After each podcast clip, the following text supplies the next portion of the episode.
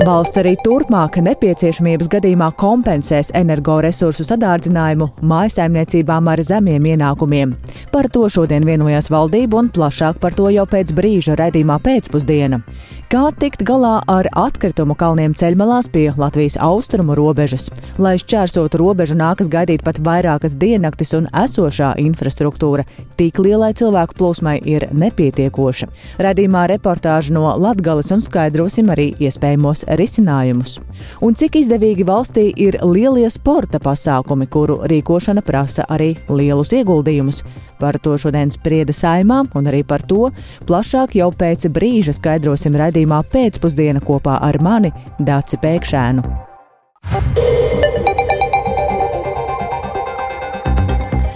Ir piecas minūtes pāri pulksten četriem un skan pēcpusdienas ziņu programma skaidrojot šodienas svarīgus notikumus. Studijā Dāca Pēkšēna. Labdien! Krievija pastrādājusi kārtējo kara noziegumu, radot ekoloģisku katastrofu, kā arī apdraudot tūkstošiem cilvēku dzīvību. Tā uz šī rīta notikumiem Ukrainā ir reaģējusi starptautiskā sabiedrība. Pēc šorīt notikušā spēcīgā sprādziena uz Dņepras upes esošās Kahovkas hidroelektrostacijas vismaz astoņas apdzīvotās vietas leju pa Dņepras upi pilnībā vai daļai ir aplūdinātas un atbildīgās iestādes evakuē iedzīvotājus no aplūšanai visvairāk pakļautajiem rajoniem. Ukrainas valdība Kahovkas hidroelektrostacijas spridzināšanā vaino Krievijas karaspēku, kas kontrolēja strateģiski svarīgu objektu, un vairāk par to stāsta Rustams Šukūros. Pēc Ukrainas varas iestāžu aplēsēm Dņepras labajā krastā no ūdens apdraudētajām vietām nāksies evakuēt aptuveni 16 tūkstošus cilvēku. Helsonas apgabala kara administrācijas vadītājs Aleksandrs Prokudins paziņoja, ka skartajos rajonos ir izveidoti evakuācijas koordinācijas štābi. Iedzīvotājus ar autobusiem evakuē uz Mikolaivu, Odesu, Kīvu un citām Ukrainas pilsētām. Iedzīvotāju evakuācijā arī iesaistījās Ukrainas valsts dzelzceļa uzņēmums Ukrzaļizņica, kas no Helsonas pilsētas ar vilcieniem evakuē aplūšanas skarto rajonu iedzīvotājus. Pirmais evakuācijas vilciens šodien no Helsonas izbrauca pulkstens 12. pēc Latvijas laika. Ukrainas valsts policijas priekšnieks Ivans Vihinskis paziņoja, ka šodienas pusdienlaikā no aplūšanas skartajiem rajoniem tika evakuēti 885 cilvēki. Ukrainas valsts uzņēmums Ukrhidroenergo tikmēr norādīja, parādīja, ka saskaņā ar prognozi Kahovkas Hes rezervuāra darbība, jeb ūdens izplūdums no tā, turpināsies četras dienas. Aplūšana arī skāra Hersonu. Tur ūdens līmenis jau cēlies par diviem metriem. Tiek prognozēts, ka pilsētā ūdens līmenis diennakts laikā celsies vēl par vienu metru. Tikmēr kāds Helsinas iedzīvotājs sarunā ar Ukrainas medijiem mudinājis pilsētas iedzīvotājus nekrist panikā un pildīt Ukrainas varas iestāžu norādījumus. Paražīla okupācija, paražīla okupācija. Nu, tam pašai budam spodzināties. Līdz šim esam pārdzīvojuši okupāciju, pārdzīvosim arī šo. Turklāt cerēsim, ka neaplūdīs visa pilsēta. Ir daži lauku rajoni, kas no tā cietīs vairāk. Cerēsim uz labāko. Ukrainas aizsardzības ministrijas galvenās izlūkošanas pārvaldes pārstāvis Andrijs Jusovs tikmēr nācis klajā ar paziņojumu, kurā norādījis, ka Krievijas karaspēks iepriekš nogādājis sprādzienu bīstamas vielas uz Kohovkas HES. Tas tika darīts ar mērķi vēlāk sarīkot distancionāli vadāmu sprādzienu. Savukārt Ukrainas prezidents Volodimirs Zelenskis pēc šodien rīkotās Nacionālās drošības un aizsardzības padomes ārkārtas sanāksmes paziņoja, ka Kīva centīsies panākt Krievijas saukšanu saukšanu pie atbildības par Kahovkas HES uzspridzināšanu. Zelenskis platformā Telegram pavēstīja, ka sēdē tika saskaņots starptautisko un drošības pasākumu komplekss, lai sauktu Krieviju pie atbildības par šo terora aktu. Rustam Šukurovs, Latvijas Rādio. Un tā ir jāteic, ka uz šiem notikumiem sociālajos tīklos arī reaģējuši vairāki mūsu valsts pārstāvi. Ārlietu ministrs Edgars Rinkēvičs, piemēram, uzsvēris, ka Latvija asi nosoda Krievijas veikto aizsprosta spridzināšanu un aicina pastiprināt atbalstu Ukrainai, kā arī saukt kara noziedzniekus pie atbildības. Viņš arī uzsver, ka šis solis ir ekoloģiska katastrofa, kā arī tiek apdraudētas cilvēku dzīvības, un tāpat viņš atkārtoti norāda, ka Krievija ir teroristiska valsts un tā ir jāaptur. Tikmēr NATO stratēģiskās komunikācijas izcelības centra direktors Jānis Sārts uzsver, ka notikušais atstās lielāku ietekmi uz Krievijas kontrolē esošo krastu, bet vienlaikus tas kā vēto arī iespējamu upes forsēšanas operāciju. Un šajā brīdī telefoniski mums pievienojas zemesardzes štāba pārstāve pulkveža leitnante Anita Pīzele. Labdien! Labdien! Kā jūs teiktu, kā mēs varam skaidrot šodien notikušo? Tas ir tāds krievi izmisums, un viņi rēķinās, ka būs jāatkāpjas, vai arī tāda nu, pārliecība, ka pat šāds veids ir atbilstošs, lai traucētu Ukrainas armijas darbībām, nu, tādam mēģinājumam kavēt varbūt Ukrainas karaspēku virzību uz Ņepras kreiso krastu? Jā, pilnīgi piekrītu visam iepriekš teiktēm, ka tā ir gan ekonomiska, gan civilā situācija, ekoloģiskā katastrofa un no militārā viedokļa. Um, es iepazinos ar vairākiem uh, rakstiem, un tur ir. Um, Jā, ir, viens viedoklis ir tas, ka tas varbūt ir izmisuma solis no Krievijas puses, jo netiek sagaidīts uh, tāds izteikts uzbrukums nevienā no virzieniem. Un, lai pasargātu iespējams sevi no, no uh, rietumu puses, viņi nopludināja šo teritoriju, lai varētu darboties, darboties uh, Melitopolis uh, un Džokojas uh, darbības virzienā. Jā, tas ir uz Krimu, jā, tāds posms. Un tādējādi, protams, viņi ir pusgadu rakuši ierakumu šajā posmā, viņi ir mīnējuši un iedomājieties, visas šīs mīnas tagad ir zem ūdens un viņas sāks lēnām uzpeldēt, kaut kur viņas varbūt nosvisinātās teritorijās viņas iespējams sāks detonēt. Tas ir ļoti bīstama vieta. Jā, nu, kaut kādu labumu viņi varbūt īslaicīgi ir guvuši, ja Ukraina nebūs spējīga tajā posmā desantēties tā, kā bija iespējams domājis uh, okupantu karaspēks, bet um, saskaņā saskaņā ar uh, Ukraiņas bruņoto spēku zi ziņojumiem un arī uh, informāciju viņi nemaz neplānoja tā darīt. Un uh, šobrīd arī pie esošās iepriekšējās situācijas viņi nebūtu spējīgi pārcelties bez speciālajiem līdzekļiem un um, vienā piegājienā. Līdz ar to tas būtu redzams un uh, atklājams un viegli ietekmējams. Līdz ar to Ukraina tādu operāciju iespējams pat nebija plānojusi. Tā kā ieguvums Krievijas karaspēkam šajā gadījumā nav liels. Uh, vienīgais ekoloģiskā katastrofa, un faktiski viņi paši iespējams nav bijuši spējīgi no šīs teritorijas aizvākt uh, ne savas noliktavas, um, ne arī citas uh, nocietinājumus, jo līdz šim nebija ziņots, ka viņi tajā teritorijā kaut ko būtu darījuši. Izlūk, Ukraiņas izlūkdienas ļoti sekoja šiem notikumiem, kas notiek tajā teritorijā, bet, eh, bet nekas netika ziņots. Līdz ar to iespējams, ka viņi paši jau nodarījuši lielāku ļaunumu nekā ieguvuši labumu. Un otrs, tas parāda to, ka um, Krievijai absolūti neinteresē okupēto teritoriju iedzīvotāji. Viņi ne, nedomā par šiem cilvēkiem, neviens neplāno viņu evakuāciju, neviens neplāno viņu glābšanu. Arī tās teritorijas katastrofālais stāvoklis pēc tam, kad šis ūdens aizies, ja kur tur, kur aizies, neviens, neviens nerūpējas. Viņi nerūpējas par šo okupēto teritoriju. Tas jāzina arī tiem, kas joprojām cenšas atbalstīt uh, Krievu karaspēku šajās okupētajās teritorijās. Diemžēl tas tā ir. Jā, bet eh, kā tas varētu tālāko to kara gaitu vispār ietekmēt? Um, kā, kā tas, jā, kāda tas tā, turpmākais? Vai mēs varam kaut ko prognozēt? Uh. Nu, noteikti, noteikti, ka Ukrāņu bruņoto spēku ģenerālštābs um, iespējams mainīs savus operacionālos plānus. Uh, diemžēl es šos plānus nezinu.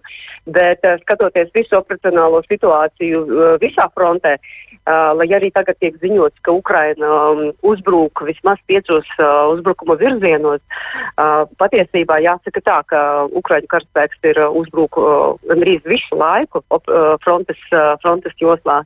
Un, teikt kaut kādi izteikti virzieni. Drīzāk tas ir izlūkošanas uzbrukumi, lai saprastu Krievu karaspēka reakciju, viņa atrašanās vietu, viņa reakciju uz uh, uzbrukumiem. Līdz ar to tas nav uzskatāms par uzbrukumu šobrīd, uh, bet vai tiks mainīti nākotnes plāni, uh, man pagaidām tādas informācijas nav, bet es domāju, ka uh, operacionālā situācija noteikti tiks izvērtēta noteikti tiks izvērtēti apstākļi, kādi radušies šajā dienvidu teritorijā, bet tajā pašā laikā, pat neskatoties uz šo, ka tas ir aktuāls jautājums, tagad um, joprojām tiek veikta Krievu karaspēka apšaude dziļumā, frontes dziļumā. Joprojām Ukraiņu karaspēks apšauda mm, viņa apgādes uh, ceļus, uh, sakaru līdzekļu izvietojumus. Teikt, ka tas ietekmētu Ukraiņu karaspēku kaut kādā sliktākā veidā, Es domāju, ka nē. Es domāju, ka, ne. es domāju, ka viņi tikai uzlabos savus plānus un darīs to, kas viņiem jādara. Paldies par šo skaidrojumu. Tā zemesardze štāba pārstāve pulklieža leitnante Anita Pīzele. Un uh, Ukrainas dāmas sprādziens tika pieminēts arī šodien Slovākijas galvaspilsētā Bratislavā notiekošajā B9 valstu vadītāja sanāksmē, kurā piedalās arī mūsu valsts prezidents Egils Levits. Un sanāksmes sākumā NATO ģenerālsekretārs Jens Stoltenbergs sacīja, ka Dāmbja izpostīšana nodarīs lielu postu cilvēkiem un dabai. Un vairāk par šo ir gatavs stāstīt arī mūsu Briseles korespondents Arķoms Konohovs, ar kuru esam šobrīd sazinājušies tiešaidē. Sveiks, Arčom! Kas tev vēl ir zināms? Noteikti arī ir vēl kādas reakcijas šajā sanāksmē par notikušo Ukrainā no prezidenta sanāksmes Bratislavā. Jā, labdien, Dārts, labdien, klausītāji. Tik tiešām reakcijas ir, protams, nosodošas, un, kā jau mēs pieminējām, NATO ģenerālsekretārs Jens Stoltenbergs ir sacījis, jā, ka tiešām tā ir arī dabas katastrofa, un tas ir līdz ar to būtu nu, ļoti, ļoti nosodama šī rīcība, un tai būs ļoti smagas sekas. Savukārt valsts prezidents Egils Levits, kurš piedalās arī šajā samitā, šajā sanāksmē, viņš ir publiski izteicies Twitterī, ka Tas tikai vēlreiz apliecina, ka ir nepieciešams izveidot īpašu tribunālu, lai varētu Krievijas kara noziegumus gan izmeklētu, gan arī sodīt. Un viņš ir, protams, nosodījis notikušo. Tad, tad tās ir tās reakcijas, kas šobrīd izskan. Pārsvarā tas ir nosodījums un diezgan arī tāds viennozīmīgs nosodījums par to, ka šis, šis notikums ir noticis. Jā. jā, bet ja mēs runājam par šīs sanāksmes galveno galveno mērķi, tad uh, tas ir runāt par gatavošanos NATO samitam Viļņā. Kādi signāli par to? Tik tiešām eh, gatavošanās NATO samitam Viļņā ir šo deviņu valstu prezidentu galvenais eh, mērķis, eh, un arī, protams, tas gandrīz tiešā veidā ir saistīts arī ar karu Ukrainā, jo tas, protams, liek pārskatīt drošības plānus, un arī kā Stoltenbergs sanāksmes sākumā ir atzinis, ka tiešām ir Krievijas uzsāktais karš pret Ukrainu mainījis Eiropas drošību, un līdz ar to kā, tas ir tāds paliekošs nospiedums un eh, tik drīz nemainīsies, eh, tad arī NATO ir jāpārskata savi plāni, ir jāpārskata sava rīcība, tamdēļ ir labi, ka deviņu valstu pārstāvji, deviņu valstu politiskie līderi, tātad Baltijas valstis un tālāk uz dienvidiem tās valstis, kas ir NATO, NATO austrumu, austrumu robeža, tad koordinē to, ko viņi vēlētos redzēt, kādu iznākumu viņi vēlētos sagaidīt no gaidāmā NATO samita un apspriež to arī ar, ar NATO ģenerālu sekretāru. Un tiek pieminēts arī tas, ka ir būtiski, lai šajā samitā arī Ukraina saņemtu skaidru vēstījumu par to, kad tā varētu pievienoties NATO un kā tas, tas varētu notikt. Stoltenbergs sacīja, ka tas ir, ka visas dalību valstis ir ar mieru uzņemt kādreiz eh, Ukrainu neiebilst pret to, bet, nu, protams, runa ir par detaļām. Mēs zinām, ka arī ir tādas valstis kā Beļģija, kas, pieņemsim, uzskata, ka par šo vajadzētu runāt tikai tad, kad beigsies karš, ne šobrīd. Līdz ar to, protams, te diskusijas ir dažādas, bet tad, tad, gan jau iepriekš pieņemto lēmumu īstenošana dzīvē, lai labāk aizsargātu Baltijas valstis un pārējo austrumu flangu, gan arī dzen jautājumi par to, kādas būtu NATO un Ukrainas attiecības. Tie ir galvenie punkti šīs dienas sanāksmē. Jā, paldies Arčamam Konohovam. Tātad notiek gatavošanās NATO samitam Viļņā un par to, to arī šodien prezidenti sprieda Bratislavā. Bet eh, karš Ukrainā ir vēl vairāk sācinājis arī kādu problēmu pie mums Krievijas pierobežā, ņemot vērā Ukrainas bēgļu plūsmu un arī to, ka šobrīd daudzi no Moldovas dodas caur Latviju uz sezonas darbiem Krievijā. Vēl sarežģītāka situācija ir kļuvusi ar atkritumu kalniem ceļa malās aiz Krāslavas līdz Grebņevas robežu kontrolas punktam. Un, lai šķērsotu robežu, cilvēki gaida pat vairākas diennaktis un arī esošās uzstādītās atkritumu tvērtnes un biotoaletes problēmu ar atkritumiem neatrisina, un Ludus novada pašvaldība ir vērsusies pie vairākām atbildīgajām iestādēm, taču situācijas uzlabošanos tā arī nav sagaidījusi. Par to visu vairāk Lauras Ieviņas no Latgales studijas ierakstā. Lūk, stabiņš, šoferīši godprātīgi ap stabiņu piesveidējuši pudeles un atkritumu maisiņus. Nu, tagad šai pusē parādījās šonadēļ, redziet, gan miskasti, gan tolete. Tas priecē. Ar Lūdzas novada domas priekšsēdētāja vietnieci Ināru Silicku braucam uz Grebņevas robežkontroles punktu Krievijas pierobežā. Te atkritumu un tolešu uzturēšanu organizē Latvijas valsts ceļi, savukārt ceļa posmā no pašas robežas 760 metru garumā to dara valsts nekustamie īpašumi. Pirmā miskaste Latvijas valsts ceļa parādās, jā, divi kilometri no robežas. Otrā miskaste Tolešu nav, bet arī fūru nav pašlaik, paldies Dievam. Pavisam maz. Šobrīd Grebņevas pierobežā automašīnu rinda ir aptuveni kilometru gara. Ņemot vērā lielo cilvēku plūsmu un ilgo gaidīšanas laiku, ar uzstādītajām toletēm un atkritumu urnām ir par maz. Vienmēr mēs ar valsts ceļiem runājām, diskutējām, konfliktējām par to, ka vajag biežāk likt eh, strādniekiem sakārtot tās ceļa malas. Mēs jau neiedomājamies, ja būs atkal garākas rindas, ar ko tas viss var karstā vasarā beigties ar epidēmiju. Pašvaldība vairāk kārt ir griezusies un runājusi ar atbildīgo ministriju pārstāvjiem un kompetentajām institūcijām, taču kārtība pierobežā nav uzlabojusies. Jau esam līdz, līdz matu galiem šeit, uz vietas aizauguši ar netīrumiem, ar, ar miskašu trūkumu, ar tolešu trūkumu. Nu, šī problēma nemaz neprasa globālus līdzekļus. Te vienkārši ir kompetentu iestāžu neinteresētība.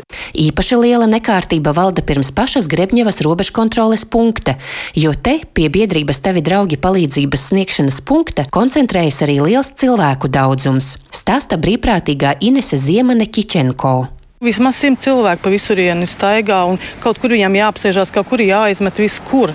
Jo tie konteineri, kas mums divi konteineri, viņi tiek piepildīti nu, divās diennaktīs. Bet kur lai piecas dienas visu to vēl liek? Kur? Krūmas vienkārši met vai atstāja pie konteineriem, vienkārši pie mašīnām un aizbrauc slīkstam atkritumos. Kritiska situācija esot arī ar tolešu trūkumu. Sešas uzstādījusi pati biedrība. Tolets jau īstenībā ir maz. Tā ir plūsmai, kas mums ir, un tik ātri tiek uh, piepildītas. Un tagad jau iet pie krūmiņiem aiztolets visur, kur pagadās. Maiņā esam divi tā. Bet ja vienam visu laiku ir jātīra atkritumi un toaletes, pa kur laiku mēs ar cilvēkiem runājamies. Otro diennakti pie robežas gaida ukrainiete Anastasija, kura vēlas nokļūt Harkivā pie radiem. Tas ir necilvēcīgi kā minimums. Gan guļam, gan ēdam uz šo skatoties. Anastasija sēž uz čemodāna pie pārpildītas miskastes. Tā visapkārt lielas atkritumu kaudzes. Izskatās, ka atkritumus neviens nav izvedis nedēļas divas, bet cilvēku te daudz, viņi turpina papildināt atkritumu kalnus. Bet izvest tos, manuprāt, neviens netaisās. Smaka, briesmīga. Tas, ka tas ir neestētiski, to jau no tālienes redz necilvēcīgi. Citviet, kur šķērsojām valstu robežas, tādu netīrību nekur neredzējām. Divas diennaktis rindā pie robežas gaida arī Viktors no Moldovas. Viņš uz ceļa pie savas mašīnas izlicis matraci. Turpat ceļmalā atkritumu kalns. Un blakus es te guļu. Mani tas pat ļoti skar. Labi, ka žurku nav, jo tad ekoloģija būtu uz katastrofas robežas. Neviens jau nedomāja, ka būs tādas rindas, tāpēc situācija ir nepārdomāta. Valsts nekustamie īpašumi norāda, kopš pagājušā gada viņi jau esot palielinājuši konteineru skaitu un to izvešanas biežumu, taču viņu iespējas būtiski uzlabot situāciju ir ierobežotas. Savukārt Latvijas valsts ceļu pārstāve Ieva Niedre rakstiskā atbildē informē, No 4. jūlija stāsies spēkā jauns līgums par kārtības uzturēšanu pierobežā, kas ļaus pasūtīt nepieciešamo darbu apjomu atbilstoši situācijai. Tāpat Latvijas valsts ceļi uzskata, ka situācijas risināšanā vairāk būtu jāiesaistās pašvaldībai. Laurija Viņa, Latvijas Rādio studija Latgalē. Tik tālu kolēģi Laura Ieviņa un jāteic, ka sakārtota teritorija ir viena lieta, un tur šobrīd izskatās, ka katram ir savs viedoklis par darāmo, bet skaidrs arī tas, ka pašu atkritumu pierobežā būtu mazāk, ja rindas nebūtu tik garas. Un šīs jautājums ir aktuāls jau gadiem. Pērnu maijā mana balss LV pat ir iesniegta iniciatīva par elektroniskās rindas ieviešanu robežas šķērsošanai. Tur gan aktivitāte ir ļoti maza, nepilna 700 parakstu. Bet, lai ieviestu tādu skaidrību šajā jautājumā, tad šobrīd esam sazinājušies ar satiksmes ministrijas transporta, loģistikas un starptautiskās sadarbības koordinācijas departamenta direktoras vietnieku Andri Maldupu. Labdien! Labdien! Kāda tad šobrīd ir tā kārtība un kā tiek administrēta rinda? Nu šobrīd uh, pārsvarā jau automašīnas stāv parastā rindā, izņemot uh, Terhaus robežu kontrolas punktu, kur uh, robežsardze arī uh, teikt, regulē rindu, izsniedzot taloniņus. Un Pārējās tas... robežu kontrolas punktos uh, ir parastā dzīvā rinda. Automašīnas kā brauc, tā, tā, tā stājās rindā. Nu, un tas, jā, un tas, nozīmē, ka, tas nozīmē, ka tiek vairākas uh, dienas uh, pavadītas ceļā. Uh, uz šī ceļa rindas garas gaidītāji daudz. Uh, vai šī ir būtiska problēma un ir pamats satraukumam tomēr arī nu, no tāda drošības aspekta? Nu, protams, nevienam nav patīkami. Pirmkārt, jau tas piesārņojums, kas tur veidojās, ar ko netiek galā. Protams, cerams, ka arī ceļinieki un ceļu uzturētāji ar, ar jauniem līgumiem, ko ir valsts ceļi informējuši, varēs vairāk veltīt līdzekļu ceļu malu apkalpes sakopšanai. Labi, bet, bet vai tiek... Protams, būtiskāk, būtiskāk uzlabojumi varētu būt, ja tāda rinda tur nebūtu vispār. Bet tiek par Tātad... to domāts, ka, nu, lai nebūtu šīs rindas, lai, vai, vai vismaz tās būtu mazākas? Protams, ir domāts un vairāk kārtīgi ir bijuši mēģinājumi arī veidot šīs elektroniskās pieteikšanās rindā. Nu, nav noslēpums arī kaimiņu valstīs, šur tur ir jau tādas ieviestas Mums tādi mēģinājumi jau bija jau teikt, 2000, 2010. un 2011. gadu. Nu, Bet, jā, līdz ar to tas jautājums ir tiešām ir ļoti ilgi jau skatīts, kad tad varētu kaut kas mainīties. Ir kaut kādi termiņi, lai tomēr ieviestu kādas izmaiņas. Uh, Nu, jāsaka tā, ka uh, pēdējo pāris gadu laikā uh, robežu kontrolē iesaistītie dienesti, ja robežsardze, muita, pārtiks veterinārais dienests sadarbībā ar Latvijas valsts televīzijas un radiocentru ir strādājuši pie tāda viedās robežas koncepcijas, un, un kur ir vairāki pasākumi attiecībā uz dažādu digitālu pasākumu ieviešanu robežu kontrolē, kur viens no, viens no nu, teikt, prioritārajiem punktiem ir, protams, arī elektroniskās rindas, kur pār, pārvadātāji varētu laicīgi pieteikties, rezervēt savu vietu un, un, un, un tam līdzīgi. Jā, bet, bet par to tiek parasti, runāts, bet kad? bet kad? Kā parasti atdurās uh, finansējumā. Uh, atdurās finansējumā, šobrīd vēl notiek plānošana, kohēzijas uh, politikas finansējumā ir paredzēti līdzekļi robežsērsošanas punktu attīstībai. Nu, tad, tad jāskatās, kā izdosies tas finansējums novirzīt tieši šim nu. pasākumam. Un, jāsaka, kā arī valdības rīcības plānu apspriežot šī gada pavasarī, par to bija diezgan daudz diskusiju, un, un valdība vienojās, ka, ka pirmo posmu tomēr ievies šo elektronisko rindu. Uh, visos ārējās robežas, autoceļu robežu čersošanas vietās un par atbildīgiem noteica Finanšu ministrija, vidas aizsardzības un reģionālās attīstības ministrija un satiksmes ministrija, cik mūsu kompetence ir mm -hmm. LVRTC, kas būtu šīs sistēmas izstrādātāji.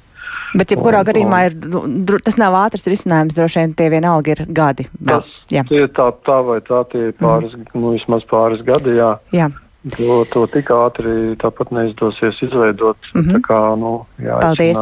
Censies ievērot kārtību jau arī šodien. Paldies satiksmes ministrijas pārstāvim um, Andrim Maldupam un um, Jau pēc brīža runāsim arī par to, vai un kad iebraukšana jūrmalā kļūs dārgāk, un vai joprojām par to maksāsim tikai vasaras mēnešos vai arī visu gadu, un cik liela ietekme uz valsts naudas maku un tēlu ir lielu sporta pasākumu rīkošanai.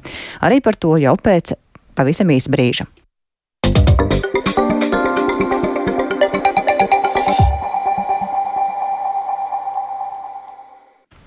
Valsts arī turpmāk nepieciešamības gadījumā kompensēs energoresursu sadārdzinājumu mājsaimniecībām ar zemiem ienākumiem. Par to valdība vienojās uzklausot klimata un enerģētikas ministrijas ziņojumu par īpaša rīka izstrādi energoresursu sadārdzinājumu sekšanai mājasēmniecībām ar zemiem un vidēji zemiem ienākumiem. Vienlaikus valdība arī secināja, ka, lai arī pašreizējās energoresursu cenas netuvu neliecina par cenu krīzi, tomēr to līmeni rudenī pat labam prognozēt nav iespējams, un vairāk par lemto tad ir gatavs stāstīt kolēģis Jānis Kīncis, kurš šobrīd pievienojas tiešraidē. Sveiks, Jāni! Sveika, Dārts! Sveicināti klausītāji! Aizvadītajā apkurses sezonā neredzēta augstu energoresursu cenu apstākļos valdība lēma atbalstu sniegt visām maisaimniecībām neatkarīgi no to ienākumu līmeņa un neņemot vērā arī biržās noteiktās energoresursu cenas. Tādējādi valsts budžeta tēriņi šiem pasākumiem līdz šā gada maijam ir sasnieguši visai grandiozus 426 miljonus eiro. To valdības sēdē atklāja klimata un enerģētikas ministrs Raimons Čudars no jaunās vienotības. Turpmāk plānota pieejas mājiņa atbalsta sniegšanā, energoresursu izmaksu pieauguma kompensēšanai, ja tāda būtu nepieciešama, tad samērojot sociāl, sociālās vajadzības ar valsts budžeta iespējām. Tātad plānots ir mērķēt atbalsts tieši tiem, kuriem tas ir vajadzīgs visvairāk, un nākamajā apkuras sezonā energoresursu izmaksu daļai kompensēšana varētu attiekties uz mājsaimniecībām, kuru kopējie izdevumi par mājokli, tas ir par īri, par komunālajiem pakalpojumiem, pakalpojumiem un citiem ar mājokļu uzturēšanu saistītiem pasākumiem pārsniedz 30% no mājsaimniecību ienākumiem uz vienu personu mājsaimniecībā, kas ir deklarēta, reģistrēta vai norādīta kā tur dzīvojoša. No visām mājsaimniecībām atbalstam varētu kvalificēties apmēram 40 līdz 50% mājsaimniecība, ir secinājusi ministrija, un paskaidro, ka ar kopējiem izdevumiem par mājokli tiek saprasti tātad šie minētās izdevuma pozīcijas. Paredzot šādu atbalstu nepieciešamību, vienotā IT risinājumā ir nepieciešams apkopot dažādas informācijas sistēmas un datubāzes, ko pārvalda valsts ieņēmuma dienests, valsts sociālās apdrošināšanas aģentūra un arī pilsonības un migrācijas lietu pārvalde. Šāda rīka izveidei un uzturēšanai lēstie izdevumi šajā gadā ir nedaudz virs viena miljona eiro un nākamajā gadā līdzīga summa. To valdības sēdē izstāstīja klimata un enerģētikas ministrs Raimons Čuders no jaunās vienotības. Paklausīsimies viņa teikto turpmāk mēs spētu nodefinēt tos kritērijus, kas vienu vai otru maisaimniecību atzītu par tādu, kurai ir nepieciešama palīdzība, un ieslēgt šos palīdzības mehānismus. Centralizētie resursi ir pirmkārt elektroenerģija, gāzes piegāde un centralizētā siltuma apgāde. Gadījumā, ja notiek cenu lēcieni, mēs piemērotu, kā tas arī bija iepriekšējā sezonā, rēķinu samazinājumu. Attiecībā uz decentralizēto siltuma apgādes risinājumiem malku granulām un citiem propangāzes apkurses veidiem. Pašvaldības veica šo pabalstu administrēšanu. Sistēmai būtu, viņuprāt, jābūt daudz universālākai, kas ļautu pilnībā automatizēt arī decentralizēto energoresursu sadaļu. Pērn, neskaitot šo centralizēto energoapgādi, ap 80% no individuāliem apkurses atbalsta gadījumiem bija saistīti ar malkas iegādes kompensāciju. Un ministrija tātad secina, ka vairs neparedzot kompensēt šīs izmaksas visām aizsardzniecībām, pašvaldībām vairs ne, nebūs jāsaskaras ar tik plašu kompensācijas pieteikumu apstrādi. Vienlaikus arī Labklājības ministrija atgādina, ka turpinās sniegt mājokļu pabalstus tiem, kuriem tie būs nepieciešami. Īsts citāts no tā, ko teica Labklājības ministra Evika Siliņa no jaunās vienotības. Labklājības ministrija joprojām turpinās sniegt mērķētu atbalstu arī cilvēkiem mājokļu pabalsta gadījumā. Ja cilvēks nespēja samaksāt šos rēķinus un viņa ienākums liekas atbildīs šīs mājokļu pabalsta saņēmēja summai, no 1. jūlija mums mainās šie koeficienti. Viņi būs dažādi atkarībā no tā, vai persona dzīvo viena, vai viņa ir ar invaliditāti, vai tur ir bērni. Un vēl nos, nos, noslēdzot no premjera teiktā, izriet, ka tā, šī brīža uzdevums ir klimata un enerģētikas ministrijai sagatavot šīs atbalsta sistēmas dokumentāciju un tātad sagatavot to vajadzībai, ja gadījumā tāda būtu. Taču tāda cilvēcīga piebilde ir ar cerību, ka, šā, ka energoresursu cenas biržās nebūs tādas, lai šo atbalstu rīku vispār nāktos iedarbināt. Dace? Paldies Jānim Kīncim par skaidrojumu šajā tematā, bet mēs turpinām ar to, ka no rudens, lai iebrauktu jūrmalā, iespējams būs jāmaksā vairāk. Pašvaldība maksu plāno paaugstināt no 2 līdz 3 eiro. Turklāt grib noteikt, ka nodeva jāmaksā visu gadu, nevis pusgadu kā šobrīd. Tā pilsētā cer mazināt satiksmes intensitāti un iekasēt vairāk naudas. Vairāk par to Viktora Demīdova ierakstā. Dienas vidū autovadītājs stājas pie tilta pāri Lielupi, lai nopirktu vienas dienas caurlaidi, kas maksā 2 eiro. Taču iespējams jau no novembra, lai iebrauktu jūrmalā, vajadzēs maksāt par eiro vairāk.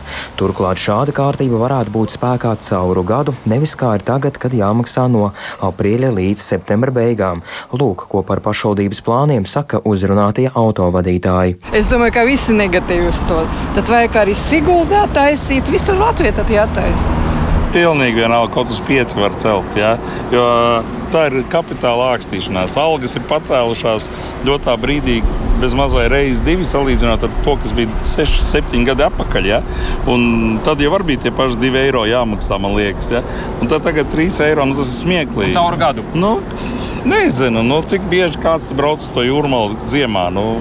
Повышение всегда плохо. Cenu kāpumu vienmēr vērtēju negatīvi. Vai jūs nākotnē brauksiet uz jūrmalu? Ja būs nepieciešams, tad braukšu. Bet, ja tāds tarifs 3 eiro būs visu gadu, На электричку сядем, поедем. Tad brauksim ar elektrovilcienu. Ņemot vērā, ka pie mums viss paliek dārgāk, tad laikam šitais arī būs dārgāk. Jūs neaturēsiet no iebraukšanas jūrmalā turpmāk? Nē, jūrmalā ir jūrmalā. es domāju, ka es braukšu uz otru pusi, uz Alkrastiem. Pērnā gada maksas sezonā caur Priedainas kontrolpunktu pilsētā bija iebraukuši 4,3 miljoni reižu. Ieviešot jauno tarifu jūrmala cer, ka reižu skaits varētu samazināties par vairākiem simtiem tūkstošu. Vienlaikus prognozējot, ka ieņēmumi augs par 700 tūkstošiem eiro, kopumā iegūstot dažus miljonus eiro gadā, ko tērētu atpūtas vietu labiekārtošanai un ielu seguma nomaiņai, stāsta domas nodokļu nodaļas vadītāja Edīte Silova. Salīdzinot salīdzinot septembri ar oktobri, ja septembris tas ir pēdējais mēnesis, kad šobrīd ir nepieciešama iebraukšanas maksa, tad tā starpība ir aptuveni 13%. Respektīvi, oktobrī ir lielāks iebraucošo transporta līdzekļu skaits. Līdz ar to, ieviešot šo maksu nodevu visā gada garumā, mēs plānojam tomēr samazināt to satiksmes plūsmu. Mēs neprognozējam, ka tām būs kaut kādas negatīvas izmaiņas, jo tajā pašā laikā mēs ar šo arī veicinām citu alternatīvu pārvietošanas līdzekļu izmantošanu. Un šeit mēs runājam gan par sabiedrisko transportu, gan par elektromobīļiem, par kuriem nodeva vispār nav jāmaksā. Tas ir jau otrs pašvaldības mēģinājums mainīt tarifus. Iepriekšējo reizi plānu apturēja bijušais vidas aizsardzības un reģionālās attīstības ministrs Artūrs Toms Plešs no attīstībai par, secinot, ka pašvaldība nav izvērtējusi nodevas apmēra samērīgumu. Jūrmala pret to vērsās satversmes tiesā, kas lietu izskatīs 12. septembrī. Gala lēmums varētu būt mēneša laikā. Ņemot vērā, ka šogad spēkā stājies pašvaldību likums, vietvarai ir jāizstrādā jauni noteikumi. Jūrmala to iespēju izmanto. Turklāt ministriju vada jau cits ministrs. Pašvaldībā norāda, ka salīdzinot ar iepriekšējo mēģinājumu, viņi ir vienkāršojuši pieteikšanos nodevas atvieglojumiem. Turklāt par tarifu maiņu līdz 15. jūnijam var izteikties jebkurš iedzīvotājs. Ministrijas ieskatā Jūrmala tagad virzās pareizā ceļā. Turpretim domas pie partijām nepiedarošs deputāts Uldis Kronblums, kurš ir arī Jūrmalas aizsardzības biedrības pārstāvis, uzskata, ka šis plāns no iepriekšējā ne ar ko neatšķiras. Tarifu maiņu viņš vērtē skeptiski. Ir ļoti nepareizi noteikt šo iebraukšanas maksu arī nesezonā. Par to es esmu pilnīgi pārliecināts. Ja. Izskatās, ka tas ir vienkārši vēlme iegūt budžetā papildus naudu. Tas galvenais jau, ka tā nauda nav iezīmēta tieši tiem mērķiem, par kuriem doma tur runā, tur vidas aizsardzībai un tā tālāk, ja tā ir budžetā. Un tikpat labi tā nauda aiziet, teiksim, ko sabiedrība jau zina, šiem 100 tūkstoši eiro pozīcijas deputātu papildus algām. Pašvaldība parāds ieviest arī 270 dienu un gada caurlaidi. Par tarifu izmaiņām vēl ir jālem Jūrmalas domai, kas to plāno izskatīt šajā vai nākamajā mēnesī. Savukārt 7, 30, 90 un 180 dienu caurlaides cenas mainīt nav plānots. Viktors Demidovs, Latvijas radio. Varavīksnes karogu uzvilkšana pie Rīgas domas ēkas galvaspilsētas vadība nav sašķobījusi, lai gan neapmierinātie bija un mērs Mārtiņš Taķis kolēģiem šodien atzīst, ka tiešām lēmumu par karogu pacelšanu pieņēmis vienpersoniski, taču ar nolūku iestāties par cilvēktiesībām un solidarizējoties ar praida dalībniekiem. Vairāk Santas Adamsons ierakstā. Kā pilsonim man ir ļoti svarīgi, lai Latvija un Rīga ir pareizajā pusē. Tā savu rīcību, izkarot LGBTQ kopienas karogu rācnamā, komentē Rīgas domas priekšsēdētājs Mārtiņš Staķis. Kā Rīgas mērs, es uzskatu, ka Rīgai ir jābūt pareizajā pusē, tajā pusē, kas parāda, ka šeit Rīgā ir dzīvot droši un iekļaujoši. Nacionālās apvienības un Latvijas reģiona apvienības frakcijas deputāts Edvards Ratnieks pastāstīja, ka koalīcijas sanāksmē Mārtiņš Staķis partneriem atzinis, ka lēmums par karogu izkāršanu bijis vienpersonisks. Mērs ir atzinis šo nekoloģiālo rīcību Protams, ka mēs frakcijā, kur ir uh, visi mūsu deputāti, arī izrunāsim šo jautājumu un skatāmies, kā tālāk mēs arī strādājam. Arī pats mērs atzīst, ka šis lēmums pieņemts vienpersoniski un ne ar vienu neapspriežoties. Es no šīs atbildības nekad arī neesmu vairījies, bet mēs bijām arī viensprāts, ka tas nav tas gadījums, dēļ kura mēs nevarētu turpināt kopīgi tālāk strādāt. Kritika izskan arī no opozīcijas. Dainis Turlais, deputāts no gods kalpot Rīgai, uzskata, ka Mārtiņš Staķis rīkojies kā privātmājas īpašnieks. Līdz ar to, manuprāt, tā impulsīva vienpersonisks lēmums īsti neatbilst tam statusam, ne mēra statusam, ne galvaspilsētas domas ēkas statusam. Savukārt politoloģe Ilga Kreituse norāda, ka šajā gadījumā neatkarīgi no tā, kāds karoks tas bijis, staķa rīcība bijusi nelikumīga. Manuprāt, juridiski neizprasta un vēlme izcelties un kaut kam pievērst lielāku uzmanību nekā to lemj kolektīvs, kas ir Rīgas pašvaldība, nav saprotama. Vienīgais skaidrojums ir tas, ka Staķkungs ir bezparteiskais, un ja viņš domā, ka viņš kā bezparteiskais var vienpersonu pieņemt lēmumus, tad nav īstas izpratnes par pašvaldību kā kolektīvu darbības institūciju. Politoloģi arī pieļauj, ka šī situācija varētu būt pamats arī kādām pārmaiņām domēm mums ir partijas, kuras meklējās, ja tā drīkstētu teikt, sev vietas par to, ka ir nobalsojuši pa prezidentu. Kariņkungs tieši tāpat meklē, kā varētu pateikt paldies tiem, kas nobalsoja par Rinkeviču kungu, un, kā jau es esmu minējis agrāk, tad Rīgas mēra amats varētu būt viens no tirgus elementiem. Politiķa piebilst, ka šajā ziņā Staķa kungs pats ar savu rīcību esot provocējis to, lai viņa atrašanās amatā nonāktu zem jautājuma zīmes. Santa Adamsone, Latvijas radio.